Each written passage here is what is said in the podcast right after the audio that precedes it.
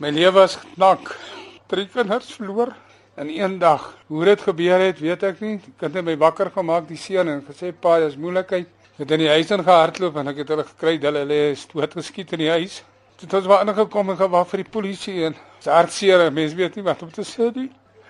So elke dag word al lewens geneem, lewens geneem en niemand weet hoekom of waaroor nie. So ek, ek weet nie wat om te sê nie. Dit is, is hartverskeurende. Dit sien jy kinders weggery word. Koos van Wyngaard en sy vrou het geslaap in hulle woonstel wat aan hulle seun se huis gebou is terwyl sy skoondogter Tia Dupree en haar twee kinders, die 17-jarige Carlia en die 14-jarige Philip, vermoor is. Die kinders is albei leerdlinge van die hoërskool Driehoek op die dorp. Carlia is vermoedelik minstens 5 keer geskiet terwyl 3 skote haar maag getref het en 2 haar broer. Die kinders se oupa het eers wakker geword toe sy seun aan hulle deur stamp en om hulp geskree het. Maar nie van Weingart sy vrou of hulle buurman Johan Maree het enige van die sowat 10 skote gehoor nie. Well, pretty shocked. As I said, uh, you know, with this uh, that one near the people and um, yesterday it's all, or the day before yesterday um, the little boy Philip was playing at the swimming pool and uh, shouting hello Johan and all of that and uh, especially to hear that you know the the kids uh, uh, one is pretty shocked. 'n groep meisies het vir ure lank op die toneel gestaan en huil terwyl hulle mekaar getroos het. Hulle het op een stadium blomme teen die erf se muur gaan neerlê en toe in 'n sirkel gebid. Ek voel baie hartseer. Dit is 'n baie groot skok. Ek ja dis onwerklik ek gaan hom mis Yeah, he was a very special person in, in, in all our hearts. So he was very. I can't.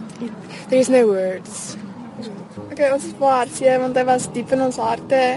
En ons van baie mens.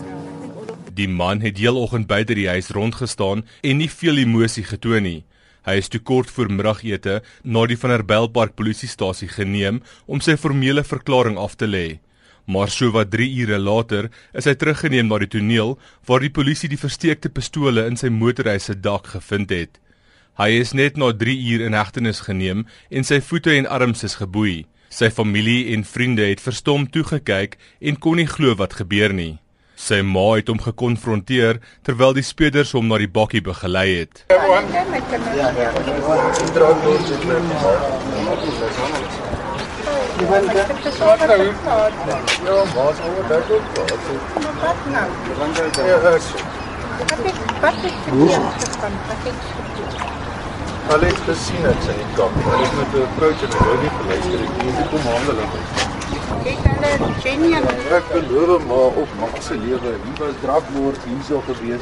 Die polisiewoordvoerder, Tsikiso Mofokeng, het die polisielede op die toneel geprys vir hulle goeie en vinnige werk. The investigation led the police to the arrest of a 39 year old man.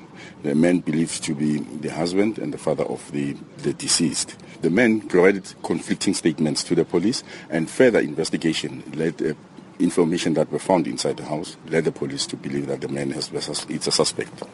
Two unlicensed firearms were recovered and one licensed firearm.